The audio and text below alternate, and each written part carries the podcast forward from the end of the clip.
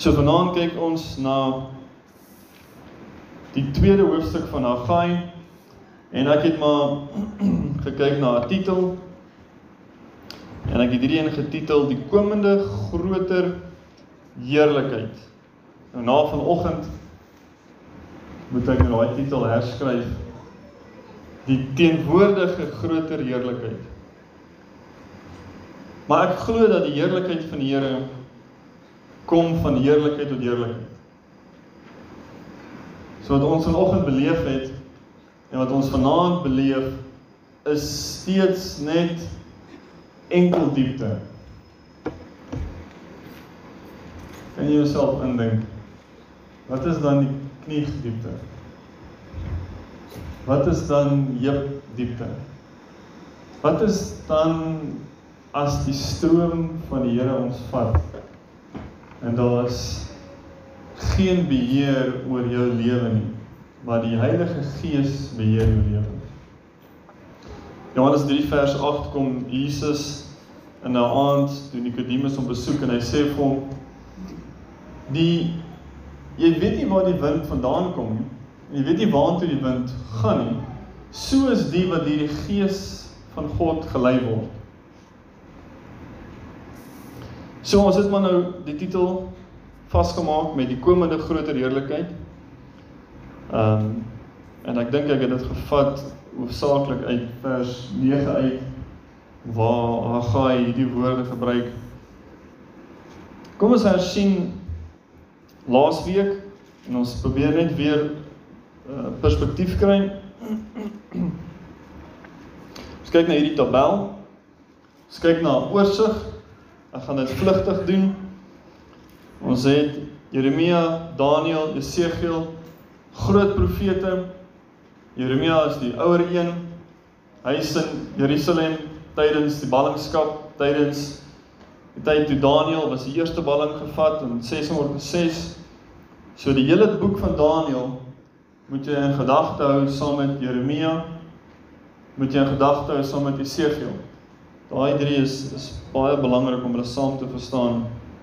En die agtergrond wat dit gebeur met die volk, hulle sondes, die profesie word waar, hulle word weggevoer in ballingskap. 586 is die belangrike jaar, die verwoesting van die tempel. Die verwoesting van die tempel. En ek dink daar kom 'n tyd ehm um, baie vinniger as wat ons gedink het dat die kerk wat 'n instansie is en wat in hoerery is. So baie kras en sterk woord daai. Maar ek dink dan hierdie datum 586 dit was die die jaar waarin Israel wat 'n tempel gehad het wat God se vrou was maar wat gehoreer het met afgode. Dis die jaar wanneer hulle tot niet gemaak is. En ek voel die Heilige Gees daai datum vir my uitlig dat dit wat daar gebeur het gaan weer gebeur met die kerk wat instansie geword het en wat horeer met die wêreld dat daar kom 'n tyd wanneer die Here gesê het kom uit uit my mense sodat julle nie ontvang van haar plan nie. Julle ken daai in Jeremia en in Openbaring. En dat daai uur kom baie nader as wat ons dink. 571 is dan die einde van Esegiel se bediening wat ons van net wat ons van weet en wat hy geskryf het. 538 is die terugkeer. 536 is die die begin van die herbou tussen 538 en 536 begin in die tempel herbou. Dis waar ons Haggai, Sagaria het as die profete wat bemoedig. Zerubbabel is die goewerneur. So hy is die siviele leier, as jy dit sou kan sê, maar hy is tog ook gesalf as 'n geestelike leier. Joshua is die ehm um, die hoofpriester en ons het dan later jare wat Ezra en Nehemia skryf oor hierdie. So ons het gesê hoofstuk 1 van Haggai is die hoofboodskappe terugroep waar Haggai die profeet die volk terugroep om die Here te hê as hulle eerste liefde. Dit is basies om te sê vir die vrou wat nou weggegaan het, sy was geskei. As ons Jeremia hoofstuk 3 in konteks bring hier, dan sê Jeremia vir die volk dat Israel in die noorde, hulle is in ballingskap weggevoer, hulle is geskei. Hulle het 'n skeibrief ontvang. Maar julle in die suide is nie ver weg nie. Julle gaan ook in ballingskap ingaan. En die ballingskap periode was 'n duidelike uitbeelding van die Here wat geskei het met Israel. Met die huis van Israel en die huis van Juda. En hier kom Haggai en hy roep die vrou terug na die man toe. As jy daai prentjie kan sien. En hy sê die Here moet jou hoogste prioriteit wees. En dan bemoedig hy die mense om weer die huis van God te bou. Om weer terug te kom en fisies hard te werk te midde van al die teëspoed wat hulle beleef het. En Haggai, deur Haggai sê die Here, ek wil weer 'n welgevalle in julle hê. Nou Jesaja 62 vers 4 kom en hy gebruik hierdie Hebreëse woordjie Hepsiba.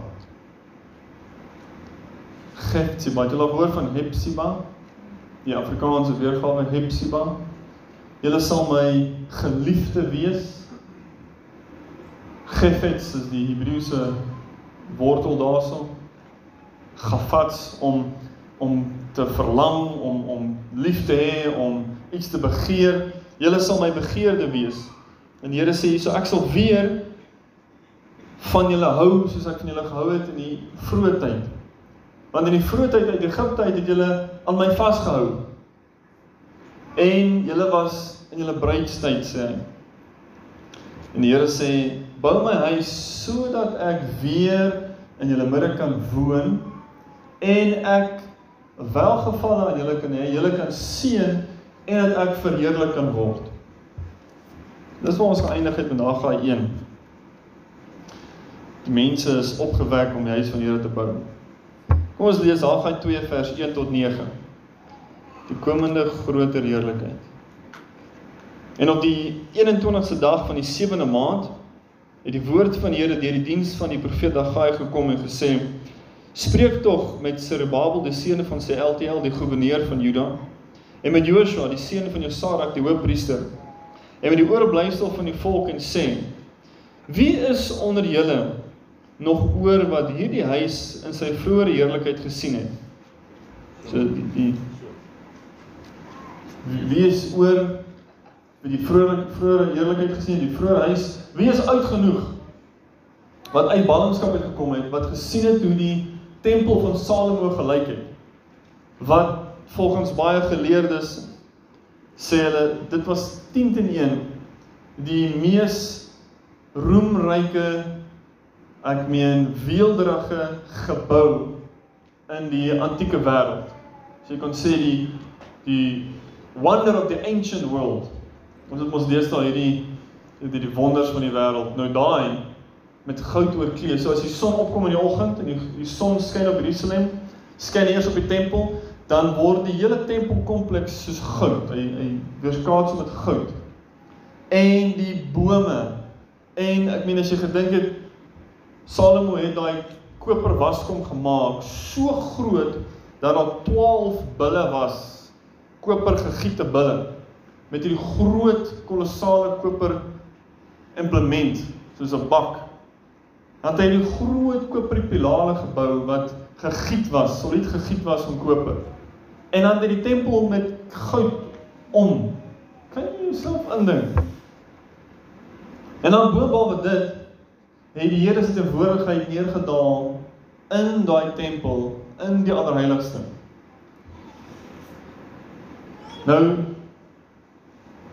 sê Agai, wie is daar onder julle wat hierdie huis in sy vroeë heerlikheid gesien het? En hoe danig sien julle dit nou? Lyk dit nie net soos niks in julle oë nie? Nou as jy gaan lees in Ezra hoofstuk 3, dan vertel dit vir ons die verhaal toe hulle begin het om die tempel se fondament, die boustene te lê en hulle begin die altaar regkry en hulle en die trane wat gevloei het was gemeng tussen die wat gehuil het oor die vroeë huis. So jy's dit lyk verskriklik. En die ander ouens het ge, gelag want hulle is so bly uiteindelik kan hulle uitkom uit Babylon uit. Hulle kan weet uiteindelik wel vir hulle is hulle die eerste keer kom en die Here aanbid in Jerusalem. So jy twee generasies op een plek op dieselfde tyd. Een generasie het al vroeë herlewings beleef. Waar die gees van die Here neergedaal het en die mense deur nag gebid. En deur nag gesing. En mense is sommer 2 die oggend gedoop in water en toe gedoop in die gees en toe is al genees en toe is al hierdie tot bekering gekom en daai en dan is daar 'n nuwe generasie wat groot geword het in godsdiens in Babylon in die mengsel net die stories gehoor maar nog nooit gesien. Dis waar ons vandag staan. Daar gaan 2 vers 4 en 5 is vir my ek mis by hulle vassteek vandag. Toe wonder ek, hoe gaan ek ooit verby daai twee verse kom? Haggai kom of die Here kom deur Haggai en hy sê in vers 4: Nou dan, skep moed, sê Rebabel spreek die Here, en skep moed Joshua, hoofpriester seun van Josadak, en skep moed julle almal, volk van die land, spreek die Here en werk wat ek is met julle spreek die Here van die leerskare met betrekking tot die verbond wat ek met julle gesluit het by julle uittog uit Egipte land. En my gees sal in julle midde bestendig bly, wees nie bevrees nie. So julle sal sien punt 3 is Haggai 2 vers 4 en 5 so toe ek maar op die einde gedink kom ek doen net die eerste 9 verse en dan klim ons in vers 6 Want so sê die Here van die leerskare 'n rukkie nog 'n kort tydjie dan sal ek die hemel en die aarde en die see en die droë grond laat bewe. Vers 7 Ek sal ook al die nasies laat bewe sodat die skatte van die nasies sal toevloei. En ek sal hierdie huis met heerlikheid vervul, sê die Here van die leerskare. Die oomblik as jy hierdie lees vers 7, ek sal die nasies laat bewe sodat daar's 'n doel die skatte van al die nasies toevloei. Daai is oorlog terminologie. Ek gaan die nasies plunder en al die rykdom van die nasies vat want dit is myne en ek gaan dit bring in my huis om my huis te verheerlik. So wie gaan in 'n sterk man se huis in en vat sy goed? 'n Sterker man.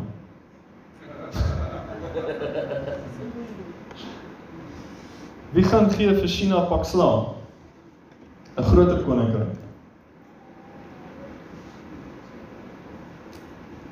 So die mense gaan nie van hierdie hou as jy onder 'n diktatorskap leef en jy sê vir hulle Jesus is die komende koning wat hierdie koninkryk gaan breek. En hy gaan hier op hierdie aarde sy koninkryk vestig. As jy dit sê en jy lê jou hande op die dooie en hy staan op. En jy sê dit, jy lê jou hande op die verlamde en hulle staan op. En jy sê dit en dit hou op reën dan begin hulle jou woorde ernstig vat. En as jy mense met invloed omkrap, dan jy moeilikheid. Maar as jy dit goed net sê en ons niks krag om dit te staaf nie. Ag, wie sê jy nie om oor jou nie. Maar wanneer die heerlikheid van die Here kom, dan bevestig die heerlikheid die boodskap soos wat ons gelees het in Handelinge 4. Hulle is gedreig, hulle is geslaan, hulle het mekaar gekom en gesê ons loof U Here, God van hemel en aarde, dat U ons die voorreg gegee het om te lei. Maar kom nou en bevestig die woord deur tekens en wonders en sien en hoor wat Herodes en Pontius Pilatus en die Jode wil doen.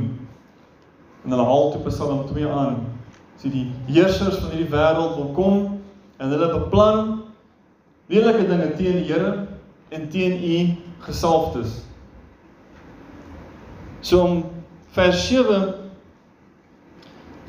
Haggai het, het 'n vermoë gehad deur die Heilige Gees gewerk om in een versie iets te sê wat Jesaja hoofstukke vat om te sê.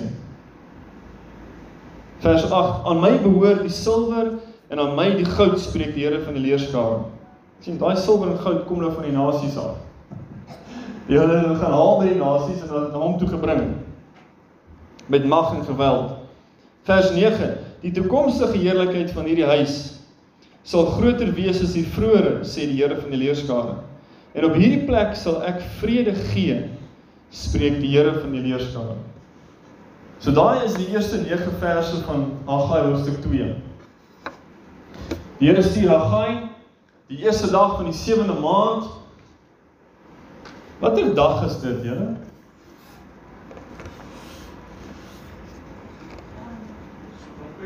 Dis die dag van trompette. Wat 'n aankondiging maak hierdie profeet op hierdie dag vir die volk. Hy sê skep moed. Bou die huis van die Here. Skep moed. As jy gedink het wat hulle voorouers gesê het van Salomo se tempel was wonderlik. 'n Groter heerlikheid kom na hierdie tempel toe. Nee wag, wag, wag. Ons het nie ons het nie 'n raamwerk vir dit nie toe die heerlikheid van Here neergedaal het in Salomo se tempel, toe kon die priesters nie staan nie. Nou was 'n wolk gewees. Die Here het uit die hemel geantwoord met vuur en die offer verteer. Dit was 'n Elia skouspel van 1 Konings hoofstuk 18 toe Elia opgeroep het, Here, antwoord my en Here antwoord met vuur. Net so die Here geantwoord met vuur toe die tempel van Salomo toegewy was en sy heerlikheid daar gewoon. Nou kom Haggai. Jy sien as ons nie daai van Salomo se tempel in perspektief bring. 'n Fisiese gebou in Jerusalem waaraan die Here se teenwoordigheid gewoon het. Waar die Here met vuur geantwoord het. Toe word daai gebou verwoes. 70 jaar gaan hulle in ballingskap. Kom terug. Hier's net ruïnes stories en ruïnes. Waar is die heerlikheid van die Here nou? En hier kom 'n man van God beweeg deur die Here en hy sê skep moed. Dit wat was is nie waarvoor ons gaan arbei nie. Die Here sê 'n groter heerlikheid gaan kom. Kom ons kyk na punt nommer 3. Hoekom moet ons moed skep En wat se werk moet ons doen? Toe ek hierdie lees, dink ek werk vers 4 spreek die Here en werk. Wat se werk? Hoe sien die mense doen? Hier's 'n profesie. Hier's 'n belofte.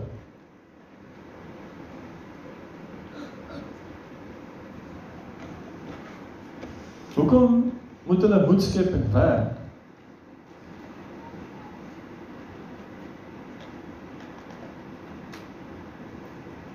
Kan jy nou weet? As jy in Esra lees, hier in ehm wat is dan hoofstuk 4 af, of van 3 hoofstuk 3 af, het hulle baie teestand gekry van die vorige van die mense wat daar gebly het. En hulle het ehm uh, konings ehm uh, Artasasta Mhm. wat ek kan daai naam uitspreek nie. Ehm en die goewerneurs om goed brief inisiatiewe gevat om hulle te waarsku teen die Jode dat hulle uh opstandig gevolg kan word. En uh dit is hoekom die mense was nie gewees as gevolg van ek dink 16 jaar of iets verloop voor hulle weer begin herbou het as gevolg van die onderdrukking. So daar was teespoed om die huis van die Here te bou. Maar hier kom die profeet en hy sê skep moed en werk want ek is met julle sê die Here. En hier ek dink ehm in die konteks van Haggai gaan oor tempel herbou. So ek dink hy vat ons terug na hoofstuk 1 toe sê, "Hoekom het ek julle uitgehaal? Hoekom gaan ek julle roep? Is om my tempel te bou. Gaan dan en werk want ons wil baie keer sit dat die Here alles moet doen en ons het geen aandeel in dit want ons Hmm. verwag want ons is passief in ons verhouding met God. Hy gaan sy gees stuur, hy gaan alles gee wat hy nodig het. Hy gaan die rykdom gee, maar ons gaan nie gebou mekaar so kom begin werk, begin iets doen, word Yes. deel aan die projek wat ek vir jou gee. So ek dink is 'n is 'n passiewe aksie van begin nou iets doen. Moenie net sit nie, kyk nie, dis wat wat ek dink. Rukkie terug het Cecilia gesê, "Hendro, ek het nou 'n vraag. Verskoon my. As die Here so gesê het, hoekom gebeur dit nie? Hoekom is dit nodig vir my om te bid en te vas en en net soos Ek dink ons perspektief oor profesie is baie beperk. As die Here kom en hy gee 'n woord oor jou lewe, oor die kerk, oor die toekoms. En dit is 'n wonderlike woord, 'n belofte. Dan aanskou ons baie keer, jy sien, die Here het hierdie tydlyn, hy het hierdie ding in sy gedagtes en hy het dit daar gesit. So as die Here so gesê het, dan gaan dit so gebeur. Maak nie saak wat nie. En as ons daai perspektief kan verander na een waar die Here ons 'n klein skreefie wys van sy groot plan en hy nooi ons uit om saam met hom in sy plan betrokke te raak vir ons lewe. Dan word profesie 'n uitnodiging vir ons om saam met die Here te gaan. Nie is so sê die Here, nou kan ek agteroor sit en wag en my eie ding doen, want die Here gaan dit net doen. Jy sien as ons daai gedagtegang verander, dan raak dit 'n samewerking. Die Here lei en ek volg. Die Here sê kom terug, bou my huis. Ek sal my huis vul met my heerlikheid. En 'n groter heerlikheid as die van die eerste huis. Nou sê die Here, skep moed en werk. Nou is die vraag, hoe bou ons die huis van die Here? Tweede vraag, waar of wat is die huis van God vandag? So ek trek dit nou uit Haggai se situasie uit. 'n geskiedkundige geskiedkundige konteks en ek maak dit nou van toepassing op ons want dis wat die woord van die Here is vir ons vir nou. Eerste vraag is hoe bou ons die huis van die Here? Is die huis van die Here 'n fisiese gebou? 'n Fisiese gebou kan deel wees van die plan van die Here. Maar die huis van die Here is geestelik. Korrek? OK. So hoe bou ons aan 'n geestelike huis?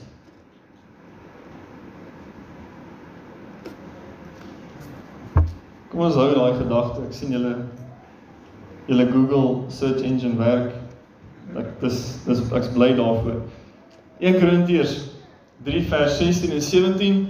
Paulus sê, weet julle dat weet julle nie dat julle 'n tempel van God is en die gees van God in julle woon nie? As iemand 'n tempel van God skend, sal God hom skend. Want die tempel van God is heilig en dit is julle. OK, baie duidelik. Baie dankie Paulus. 1 Korintiërs 6 vers 19. Of weet julle nie dat julle liggaam 'n tempel is van die Heilige Gees wat in julle is, wat julle van God het en dat julle nie aan julleself behoort nie. So jou liggaam is 'n tuiste vir 'n gees. Dit kan of 'n tuiste wees gewilliglik vir die Here of dit kan 'n tuiste wees vir onrein geeste. Korrek? Demone, onrein geeste soek altyd 'n liggaam. Hulle word uit 'n liggaam uitgedryf en hulle soek ingang in 'n liggaam. So ons liggaam individueel is 'n tempel. Die oomblik wanneer jy wedergebore word, word dit 'n tempel vir die Heilige Gees. Nou wanneer ons kollektief bymekaar kom, word ons byeenkoms 'n tempel vir die Heilige Gees. Korrek? Hebreërs 3 vers 1 tot vers 6. Daarom heilige broeders, deelgenote van die hemelse roeping. Ek het daai in bold gesit om daai in jou gedagtes vas te hou. Let op die apostel en hoofpriester van ons belydenis, Christus Jesus, wat getrou was aan hom wat hom aangestel het, net soos Moses ook in sy hele huis. Jesus Moses parallel. Jesus is aangestel, Moses was aangestel. Want hy is meer heerlikheid waardig geag as Moses, na mate hy wat die huis gebou het, meer eer het as die huis. So Jesus het die huis gebou. Want elke huis word deur iemand gebou. Maar hy wat alle dinge gebou het, is God. En Moses was wel getrou in sy hele huis as 'n dienaar om te getuig van wat nog gespreek sou word van vandag van 'n geestelike redding. Maar Christus as seun oor sy huis. OK. Ons stop net daar. Jesus, Moses. Moses het die patroon ontvang van God af om die tabernakel te bou, die huis van God. Moses was getrou daarin. Maar Christus het gekom om 'n groter huis te bou, 'n geestelike huis en hy het meer heerlikheid ontvang omdat hy is meer waardig en hy wat alles bou, sê die skrywer, is God. Die laaste versie sê en ons is sy huis. OK, baie duidelik. Maar dan maak hy 'n stelling wat sê as ons kondisioneel as ons met die vrymoedigheid en die roem van die hoop tot die einde toe onwrikbaar vashou. O oh oh. Daai is ongelukkig nie 'n stelling wat sê jy is die huis van God permanent. Period. Geen kondisies nie. Dis 'n kondisionele stelling. En ons is 'n huis as ons wat is die teenoorgestelde van vrymoedigheid?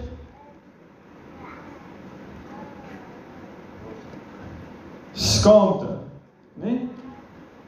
Skuldgevoel, jy trek terug. En die roem van die hoop geen meer hoop nie.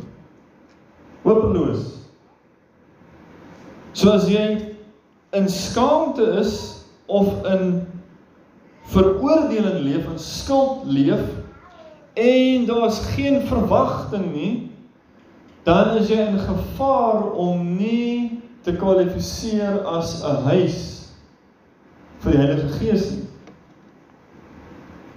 Dis een ding om vir 'n tyd in skaamte te wees en in hopeloosheid te leef en om daaruit te bekeer want dit is 'n sonde daaruit te bekeer en terug te kom na die Here toe en 'n verwagting te hê. En dis 'n ander ding om net te sê once saved always saved. Happy go lucky. En as en ons is sy huis as ons net die vrymoedigheid en die roem van die hoop tot die einde toe onwrikbaar vashou. Laaste paragraaf hoofstuk bladsy 2 onder hierso. Ons is die huis van God met die Heilige Gees wat besig is om die Here Jesus in ons te openbaar. Daai deel is vir my so belangrik. Om die Heilige Gees is besig om Christus in ons te openbaar. Skep moed en werk. Nou wil ek weer teruggaan na hierdie vraag. Hoe bou ons dan die huis van die Here as ons die huis van die Here is?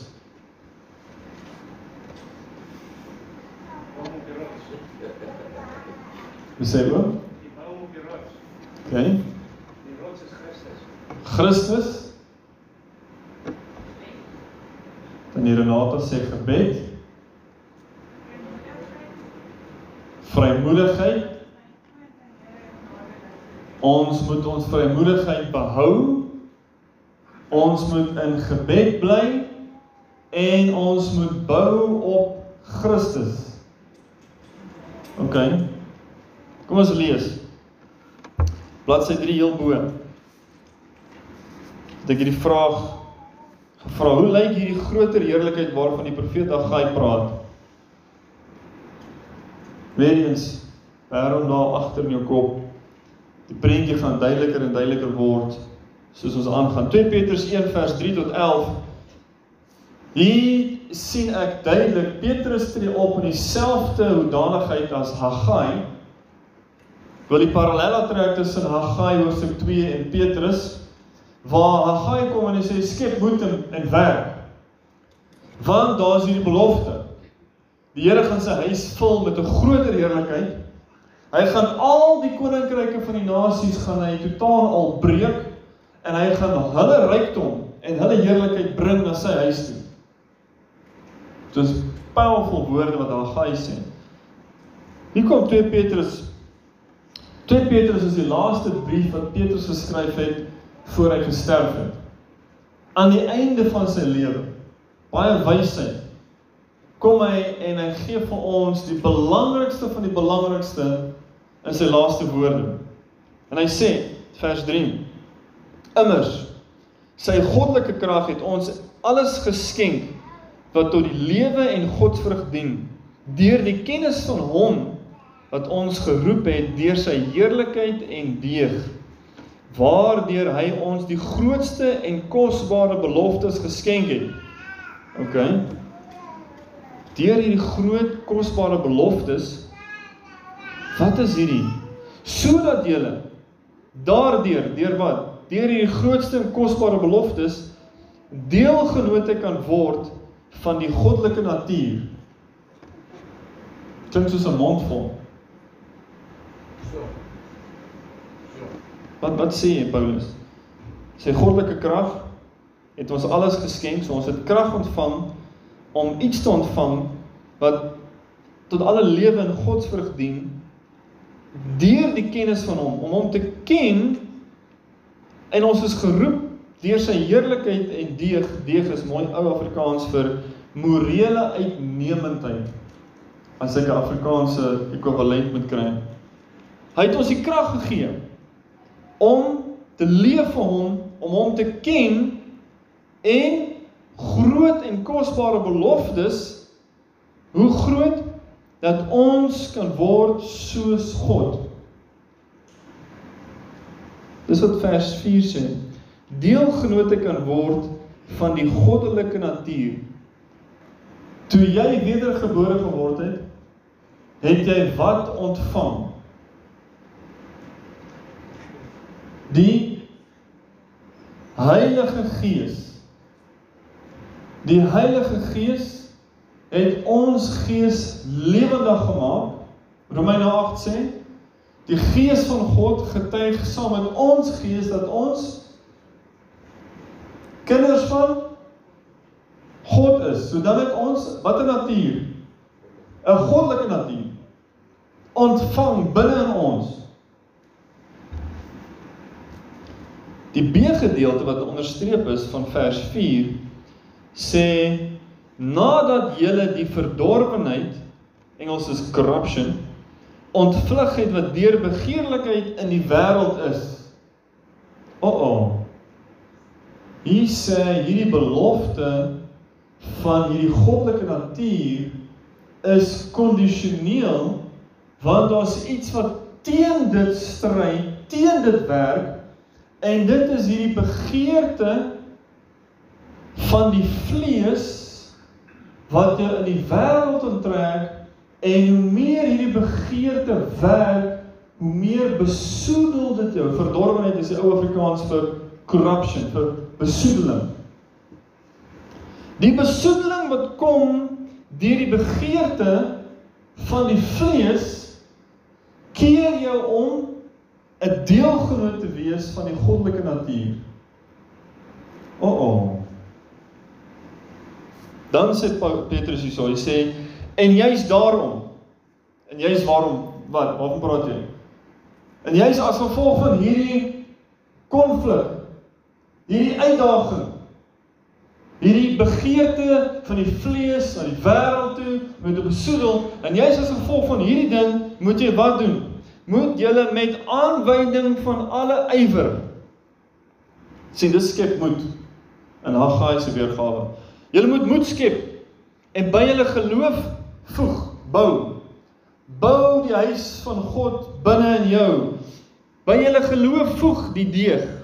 En by die deeg die kennis. En by die kennis die selfbeheersing. En by die selfbeheersing die leidsaamheid en by die leidsaamheid die godsvrug. En by die godsvrug die broederliefde. En by die broederliefde die naaste liefde. Want as hierdie dinge by julle aanwesig is en toeneem wanneer jy die hele tyd besig is om Jesus te soek en met alle mag en alle aanwending van alle ywer Christus moet in jou geopenbaar word. Christus het ons in ons die Heilige Gees, die saad van God in ons al klaar. Maar iets keer die saad van God om te ontwikkel tot volle openbaring volle gestalte. Paulus sê Galasiërs 4 vers 19, hy sê ek is weer in barensnood tot Christus in Christus in julle gestalte kry. Toe hy gesê die Galasiërs is besig om afvallig te raak. So Petrus sê, want as hierdie dinge, hierdie bou van die huis van God, bou van Christus in jou, die openbaring van Christus in jou aanwesig is en toeneem, Daai woordjie toeneem. Die Here is konstant besig deur sy gees om Christus in ons te openbaar. Die Here gaan nooit terug nie. Dis nie van heerlikheid na minder heerlikheid nie. Né? Nee? Dis van heerlikheid tot 'n groter heerlikheid, altyd. Daar's 'n klimaks. Openbaring 19 is die klimaks. Die bruid het homself gereed gemaak. So ons is die heeltyd besig om te groei. Veronderstel. So as hierdie aanwesig is en nie toeneem nie, dan het ons moeilikheid. Daar bestaan nie iets soos om te stagneer nie. Geen plant stagneer nie. Hy gaan of dood of hy groei. Dit lyk vir jou asof hy stagneer, maar eintlik gaan die selletjies dood. Dood het ingeskop nog voor jy dit gesien het. Hy sê as hierdie dinge aanwesig is en toeneem, geestelike groei, groei in Christus, dan laat dit julle nie ledig of onvrugbaar tot die kennis van ons Here Jesus Christus nie. Dis hoe ons hom ken meer en meer. As ons hom nie meer ken nie, dan waarskynlik hier is die volgende ding wat gebeur. Hy sê want hy by wie hierdie dinge nie aanwesig is nie, is blind en kortsigtig en het die reiniging van sy vorige sondes vergeet. O, oh, oh. Ons 'n paar kernwoorde in daai versie daarson. Blind kortsigtig. Ek sou kortsigtig vertaal met jy let op die natuurlike dinge, die sigbare wêreld. Jy is vleeslik. Blind vir die geestelike dinge, sienende vir die vleeslike dinge en jy het terugverval in sondes omdat jy vergeet het waaruit jy gered is. Daarom, broeders, moet julle heel des te meer beywer om julle roeping en verkiesing vas te maak. Daar's die werk. Daar's die werk. Die werk is die roeping op ons lewens en die verkiesing is Christus in ons moet totaal openbaar word. Ons moet een word met Jesus totaal. Volledig, volkome. Dis ons roeping. Dis die belofte van 'n groter heerlikheid. Nie 'n heerlikheid in 'n gebou nie, maar die heerlikheid van Christus in ons ten volle.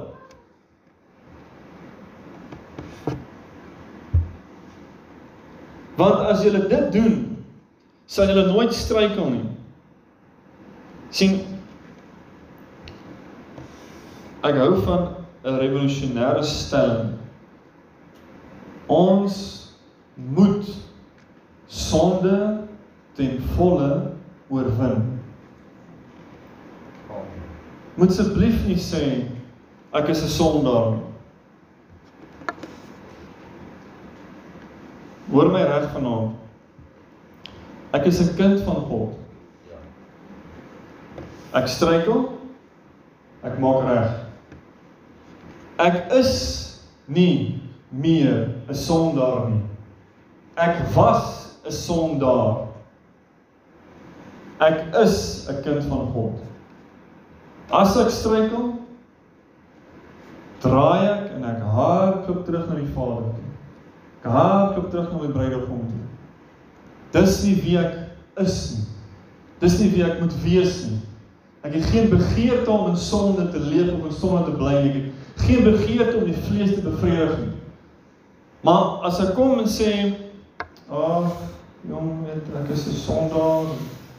Ek is gered en jy weet ons gaan nooit die sonde, sonde het ons die sonde is nou altyd die Ja, ons moet my mentaliteit afruk. Ons is kinders van die lewende God.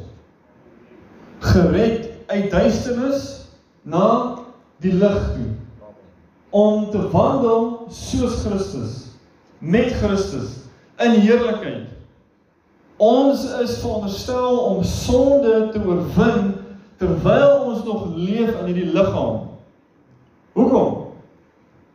Want Jesus het die prys daarvoor betaal. Hy het die sonde in die vlees veroordeel aan die kruis. 1 Petrus 4 sê voor ek dit verkeerd aanhaal die wat julle Bybels hier sou het kom ons blaai na 1 Petrus hoofstuk 4 toe vers 1 Omdat Christus dan vir ons na die vlees gelei het moet julle heel ook wapen met dieselfde gedagte dat wie na die vlees gelei het opgehou het met die sonde. So is dit moontlik vir ons om die sonde te oorwin? Absoluut. Absoluut. Gebeur dit na die eerste ronde 10 teen 1 nie. Maar die oomblik as jy gaan lê en oorwinning of wat is die regte manier om te sê? Die oomblik as jy gaan lê en sê ek is oorwin, dan is jy oorwin.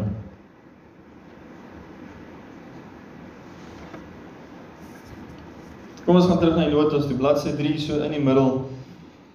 Deel van hierdie groter heerlikheid is die goddelike natuur en hakies het daar gesê, die openbaring van Christus in ons.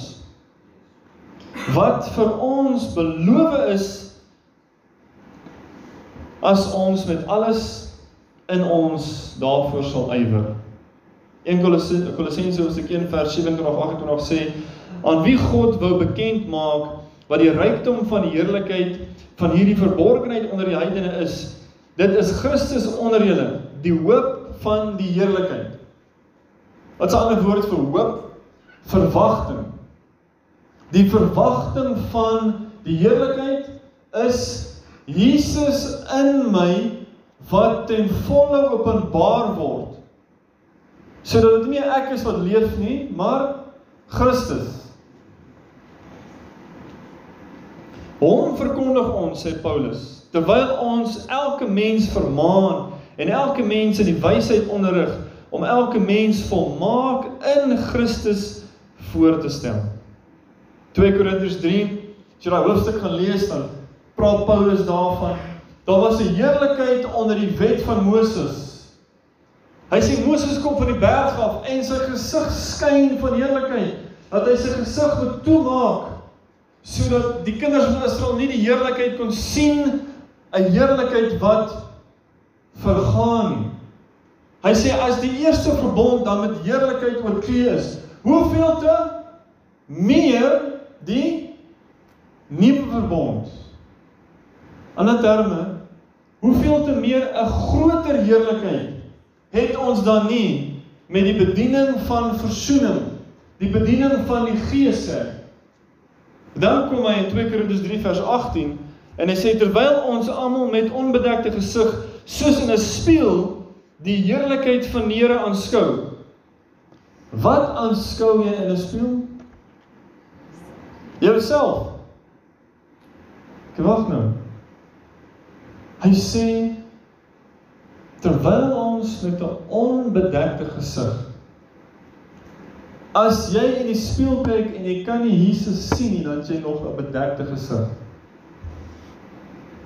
Tot die mate wat jy Christus kan sien in jou, is tot die mate wat jou oë oopgemaak is. Is tot die mate wat jy nie meer 'n vleeslike denke het en 'n vleeslike doene het nie. Dis die mate tot tot waaraan ons verheerlik is as ek die woord verheerliking kan gebruik met verandering in die beeld van Christus. Terwyl ons almal met onbedekte gesig soos in 'n spieël die heerlikheid van die Here aanskou, word ons van gedaante verander na dieselfde beeld van heerlikheid tot heerlikheid as deur die Here wat die Gees is. Haggai kom en hy profeteer. In dieselfde tyd kom Sagaria hoofstuk 4 vers 6 en Sagaria kom profeteer en hy sê vir Zorobabel bou die huis van die Here. Nie deur mag of geweld nie maar deur my gees. En elke groot berg elke uitdaging wat voor jou staan met geroepe van genade genade word dit 'n plein. So hoe gaan ons hierdie vlees oorwin? Hoe gaan ons verander word in die beeld van Christus? Deur die genade van God. Dis die genade van God wat dit doen. Ek het niks roem daarin nie. Maar ek kan ook nie agteroor lê en net genade genade roep terwyl ek my eie ding doen. 1 Johannes 3 vers 1 tot 3 kom Johannes en hy sê kyk wat 'n groot liefde die Vader aan ons bewys het dat ons kinders van God genoem kan word. Om hierdie rede ken die wêreld ons nie omdat dit hom nie geken het nie. Geliefdes, nou is ons kinders van God. OK. Ons is nou kinders van God, broers en susters. Maar hoor wat sê hy? En dit is nog nie geopenbaar wat ons sal wees nie. Maar ons weet dat ons as hy verskyn aan hom gelyk sal wees omdat ons hom sal sien soos hy is. Julle weet Hebreërs 12 vers 14 sê jaag die vrede na met almal en die heiligmaking waar sonder niemand God sal sien. volgende stukkie hier sê en elkeen wat hierdie hoop op hom het, hierdie verwagting het om te word soos wat Christus is, doen wat? Reinig homself soos hy rein is. Soos 'n reiniging. Wat is die teenoorgestelde van rein? Onrein. Ander woord vir onrein is besoedel. Ah. 2 Petrus 1 vers 4. Nadat julle die verdorwenheid wat die wêreld is deur begeerlikheid ontvlug het. Nadat julle skoon geword het van die besoedeling van die wêreld wat kom deur die vlees. Julle kan gerus Romeine hoofstuk 8 vers 18 tot 30 lees ek my gedink weens tyd. Ons gaan nie genoeg tyd hê om daardeur te gaan nie, maar daar sê Paulus presies dieselfde ding. Hy sê die uiteinde van die evangelie is dat ons die aanneming ontvang van kinders van God. Hy sê die wêreld wag die mense wag, die natuur wag vir die openbarmaking van die kinders van God. Sê maar nou ons is ons nou klaar kinders van God. So ja, maar hy sê ons het net die eerstelinge van die Gees ontvang. Dit waarna ons verlang, dit waarna ons verwag is dat hierdie liggaam oorkleed sal word met 'n onsterflike liggaam. Dis Christus wat opgestaan is uit die dood uit. Sal nooit weer sterf nie. Kom ons blaai op na bladsy 4 doen. Ek het net hierdie gevolgtrek bereik heel bo bladsy 4. Ek is oortuig daarvan dat die groter heerlikheid, die openbaring van Christus in ons vergelyk kan word met die allerheiligste. Die tyd kom dat die kerk moet beweeg van die bediening in die heiligdom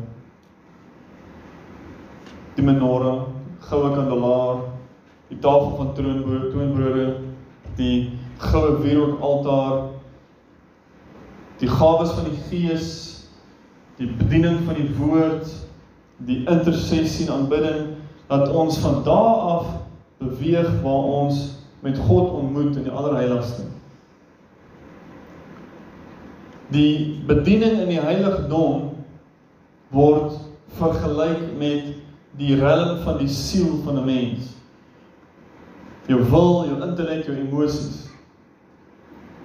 Ons moet kan gaan van die realm van God beleef uit in die siel na God beleef in die gees. 'n Dieper dimensie. 'n Dieper ontmoeting. Die siel is baie besig. Die gees is stil. So ek het net hierdie vraag gevra punt 4. Hoekom beleef ons nie die belofte van verheerliking nie? As al die beloftes daar is en ons moet onsself beywer en ons moet bid en ons moet vas en ons moet hier ons moet die Here soek en daar's 'n begeerte in ons. Ek wil nie as die Here meer vir my beplan het minder ontvang nie. Wie nie van julle nie. Ek wil nie kom voor Here en dan sê die Here vir my Andrew, jy weet, jy het goed gedoen, maar jy het my perfekte wil gemis.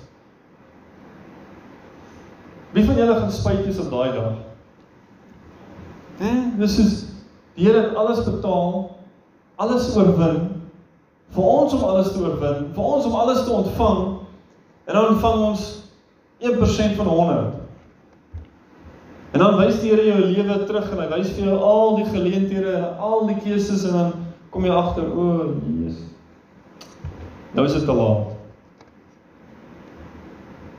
Dis hoekom as jy in Hebreërs hoofstuk 3 lees dan kom hy en hy sê en so sê die Gees vandag as jy sy stem hoor. Wat moet jy nie doen nie? Verhard nie jou hart nie. Jy sien Hebreërs 3 en 4 is 'n vermaaning en 'n bemoediging om in sy rus in te gaan. Wat is die rus? In die allerheiligste in. Kom verby die voorhangsel. Kom ontvang alles wat hy vir jou betaal het. Maar dan vermaan hy, sê Hosea 4 vers 11: Laat ons ons dan beywer om in sy rus in te gaan. En nie soos die ander deur ongeloof en ongehoorsaamheid nie in te gaan nie. So ek vra toe 4 hoofstuk punt 4a hierso. Ek het die vraag gevra in, in punt 4 en dan het ek 'n stelling gemaak. Ek sê die die begeerlikheid van die vlees besoedel ons sodat ons nie verheerlik kan word nie. In my opsomming en waarneming van my eie lewe en dan van baie ander mense se lewens sien ek hierdie is die probleem. Hoekom beleef ons nie wat God gesê het? Hm? Wat wat keer ons die hele tyd? Hoor wat sê Paulus in Galasiërs 5:16 tot 17. Hy sê: "Maar ek sê, wandel deur die Gees, dan sal julle nooit die begeerlikheid van die vlees volbring nie."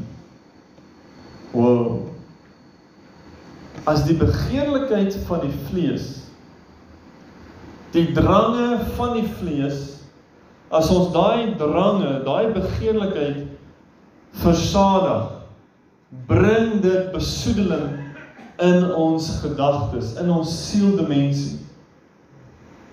Ons denke.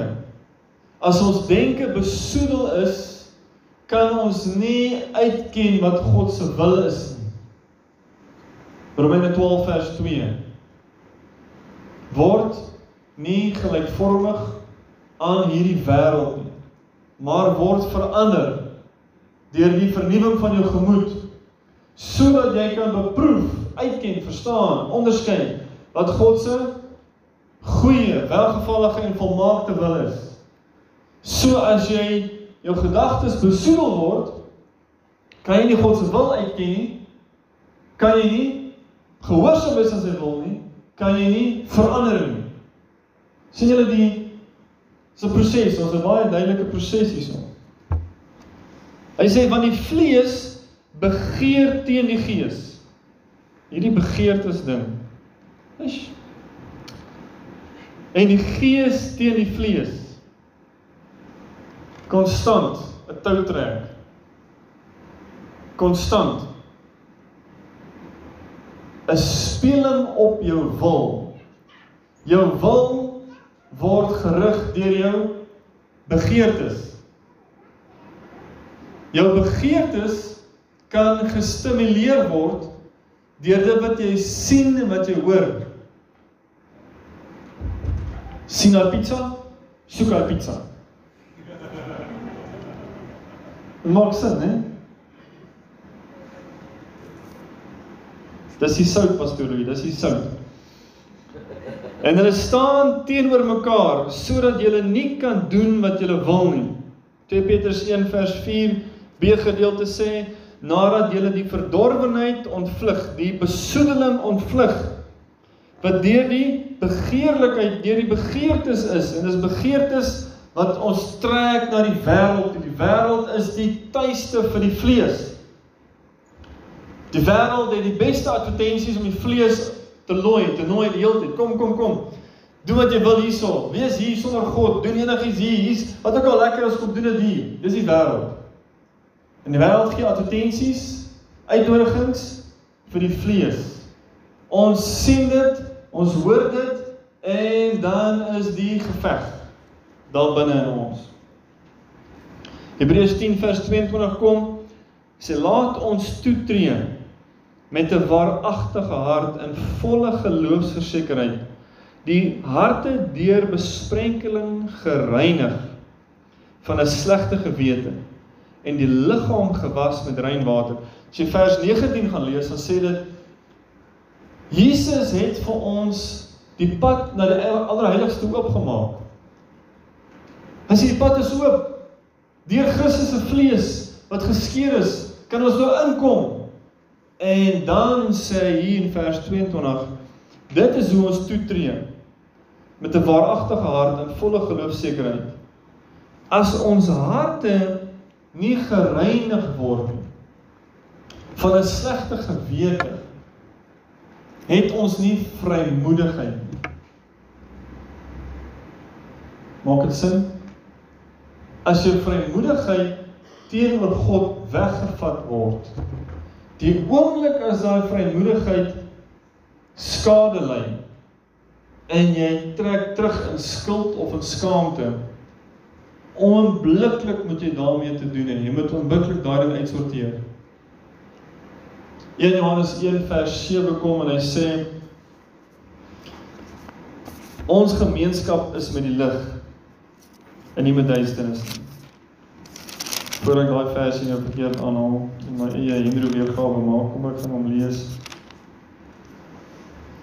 Dit maar as ons in die lig wandel, soos hy in die lig is, dan het ons gemeenskap met mekaar. En die bloed van Jesus Christus sy seun reinig ons van alle sondes. Ek het al een ding opgelet.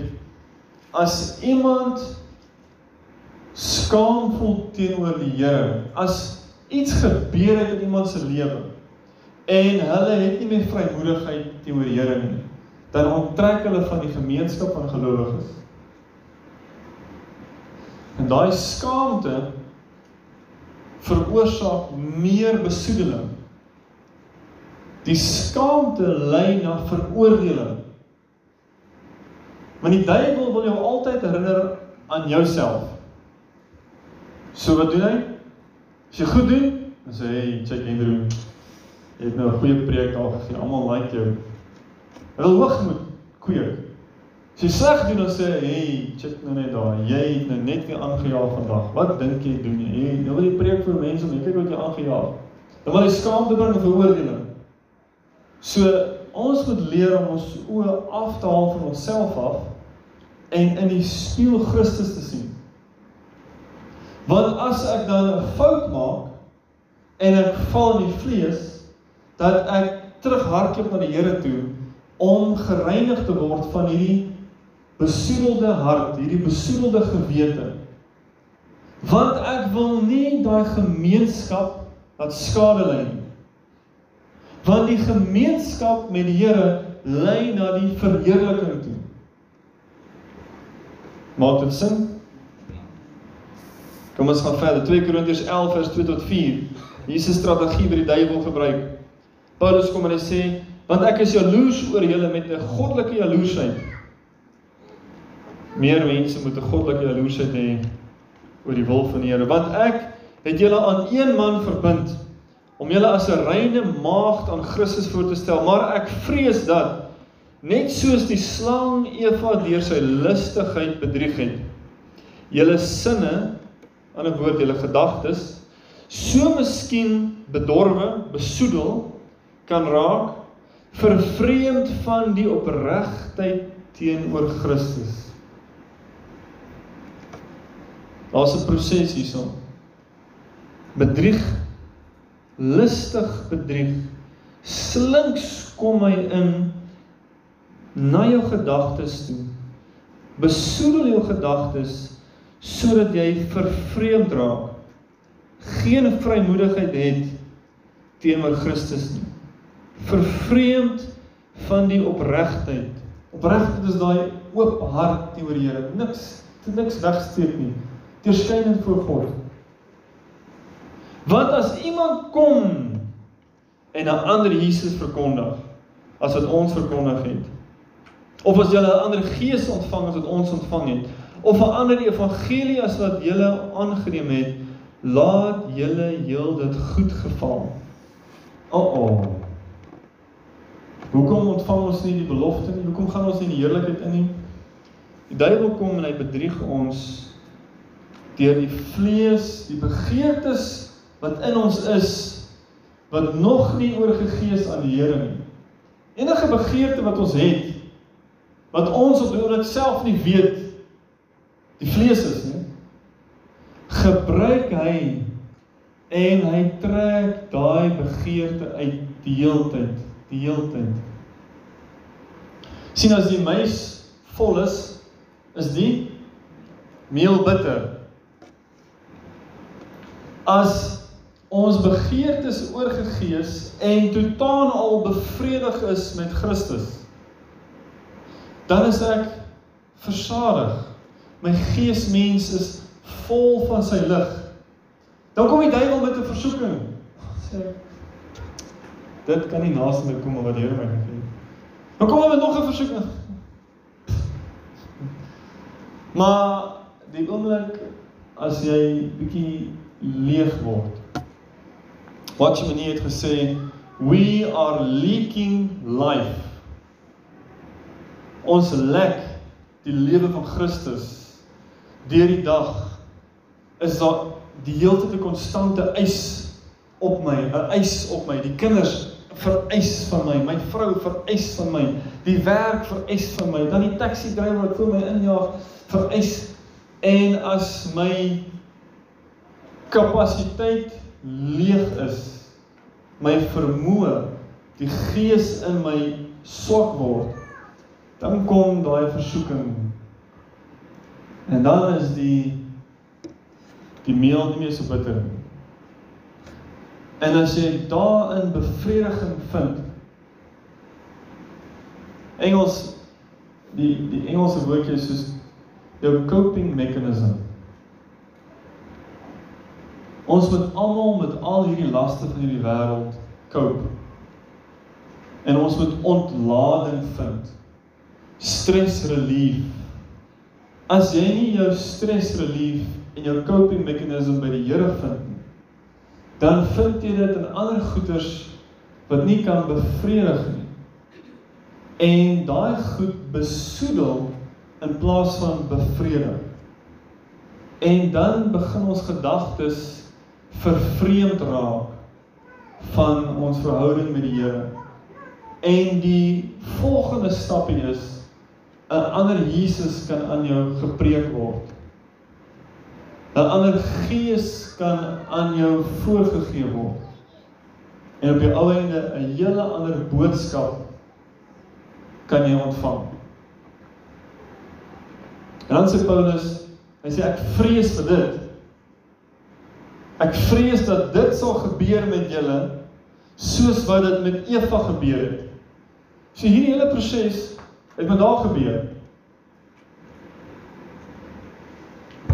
Galasiërs 3 vers 1 kom Paulus en hy sê: "O onverstandige Galasiërs, wie het julle betower om die waarheid nie gehoorsaam te wees nie? Julle vir wie se oë Jesus Christus afgeskilder is as onder julle gekruisig." Wat het met hierdie mense gebeur? Hulle is betower. Wat op aarde is dit? Baskaino is die Griekse woordjie. Baskaino is die woordjie vir towery. Maar daai woordjie betower in die Grieks kan ook vertaal word as fascineer. Wat bedoel jy nou, fascineer? Wat gebeur met betowering? Dis die vermoë die krag om jou gedagtes weg te vat van een ding en op 'n ander ding te plaas. Wat gebeur as iemand gefassineer word? Hey, kyk daarso. Wow. Daar's jy gefassineer. Jy's geweld, jy's verwonder. In 'n oomblik trek iets jou aandag af. Jy kyk daar en jy bly daar.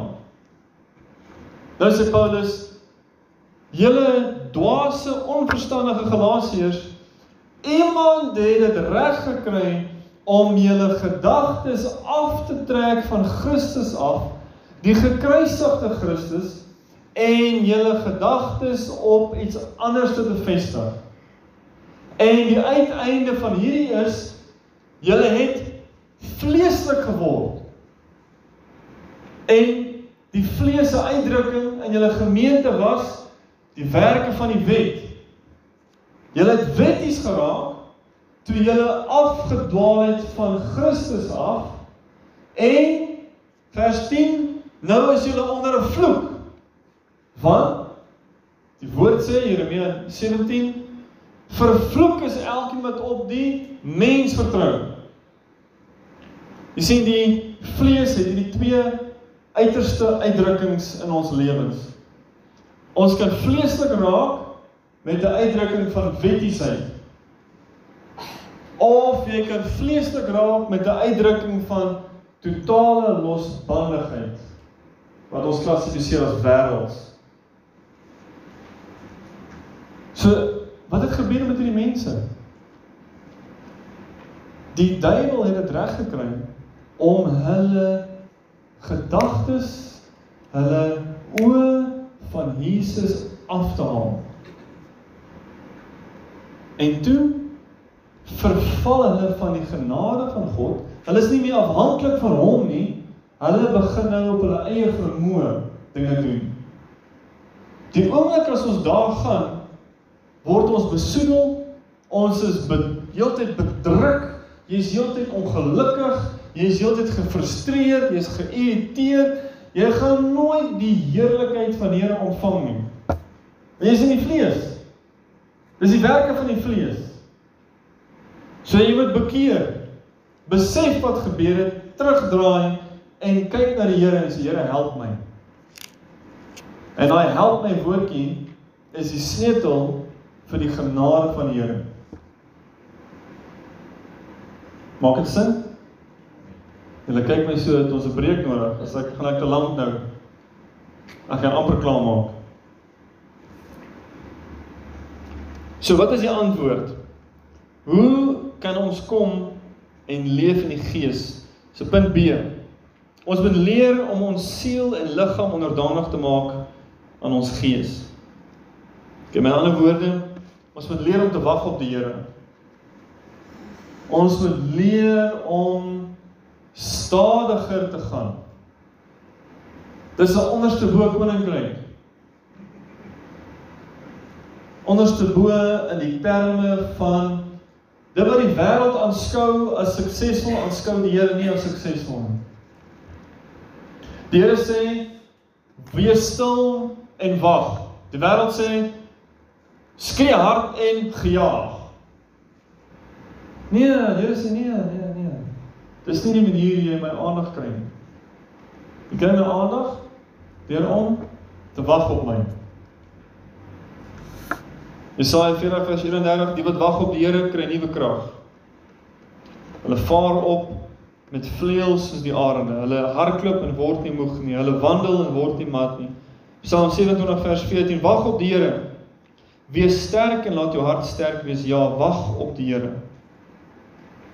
Het jy ooit gedink Moses gaan op na die berg toe vir 40 dae en 40 nagte? As ons dit mooi gaan lees, Eksodus 24 die laaste vers hierso vers 15 en 16 Nou Eksodus 24 is waar Moses met die 70 ouderlinge opgegaan het op die berg. Hulle het die Here ontmoet, die Here gesien. Hulle het 'n verbondsmaaltyd gehad. Dit sê hulle die God van Israel gesien met hulle oë en hy het hulle nie tot die dood toe neergeslaan. En hulle kom af en die Here sê Moses kom hier op. Dis nou na die 10 gebooie gegees, hulle het dit gehoor van die berg af. Dis die eerste keer dat Moses nou moet opgaan en hy gaan nou die 10 gebooie, die verbond ontvang in in die kliptafels. En dit sê hierso toe Moses die berg opklim vers 15, het 'n wolk die berg oordek. En die heerlikheid van die Here het op die berg Sinaï gebly. En die wolk het dit 6 dae lank oordek. En op die sewende dag het hy na Moses geroep uit die wolk. Wat het Moses gedoen vir 6 dae?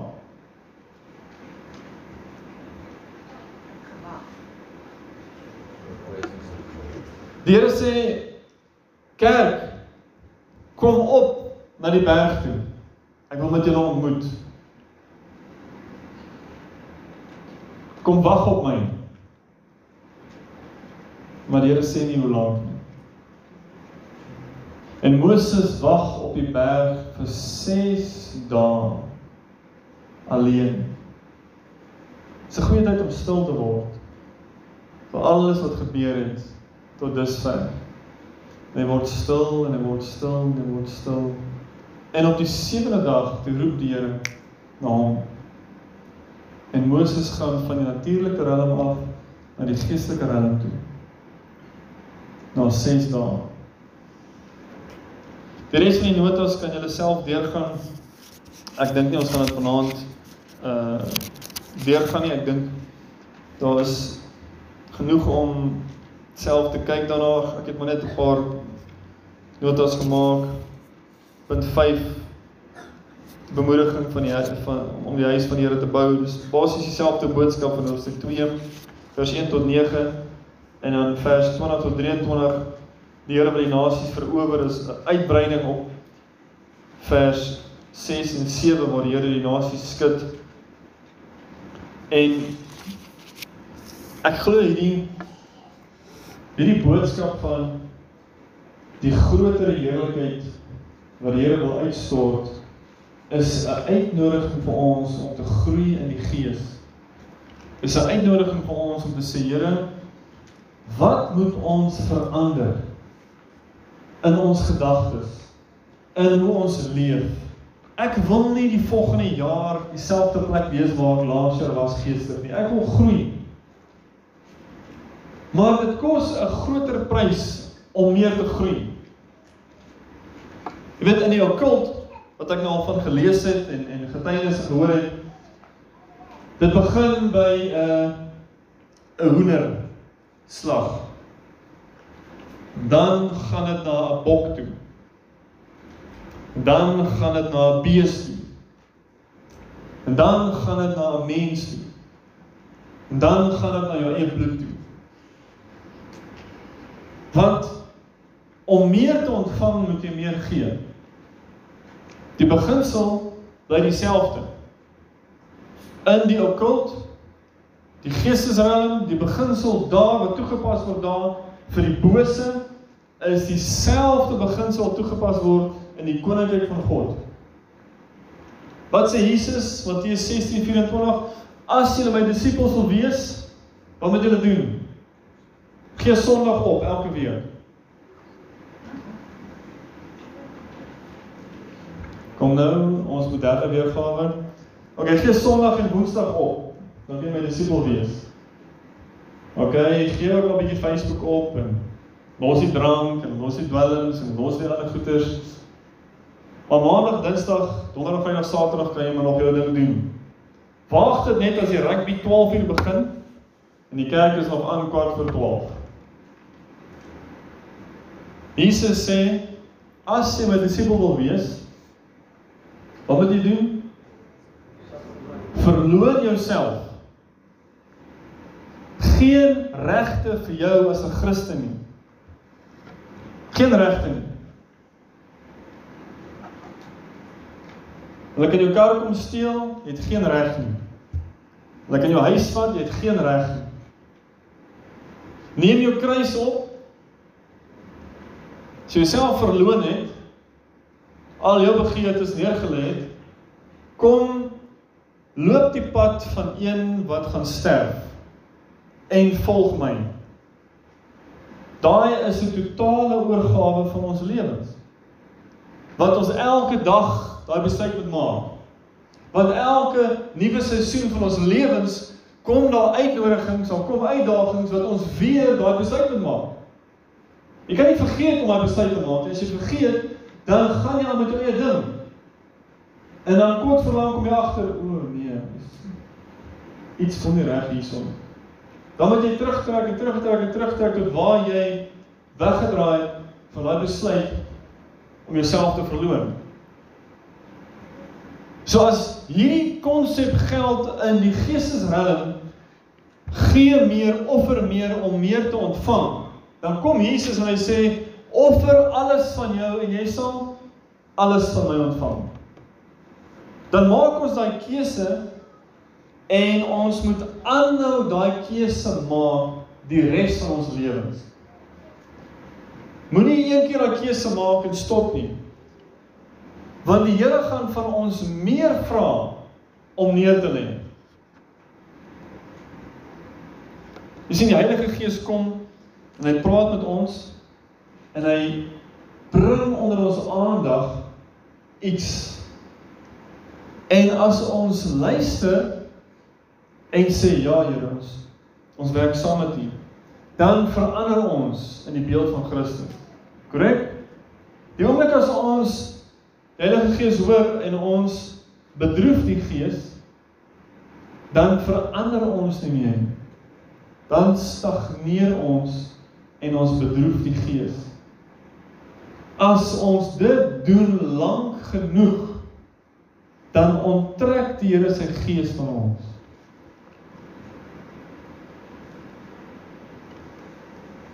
So vanaand wil ek julle uitnooi om te sê Here, hierdie groter heerlikheid, hierdie herlewing hierdie seisoen wat ons ingaan. Moenie my verbygaan nie asseblief. Ek hoor al hierdie dinge maar maar kom en merk my hart. Merk my gedagtes, wys my in my lewe. Wat doen ek elke dag wat my vuur bietjie vir bietjie wegvat van U af? Wat doen ek onbewuslik elke dag wat my hongerte vir U wegvat. En kom wys my, wat kan ek doen elke dag, Here? Wat kan ek doen elke dag om vir U te wys ek het U lief? Ek ek soek U. Ek begeer U. Ek wil meer van U hê. Ek het U hulp nodig.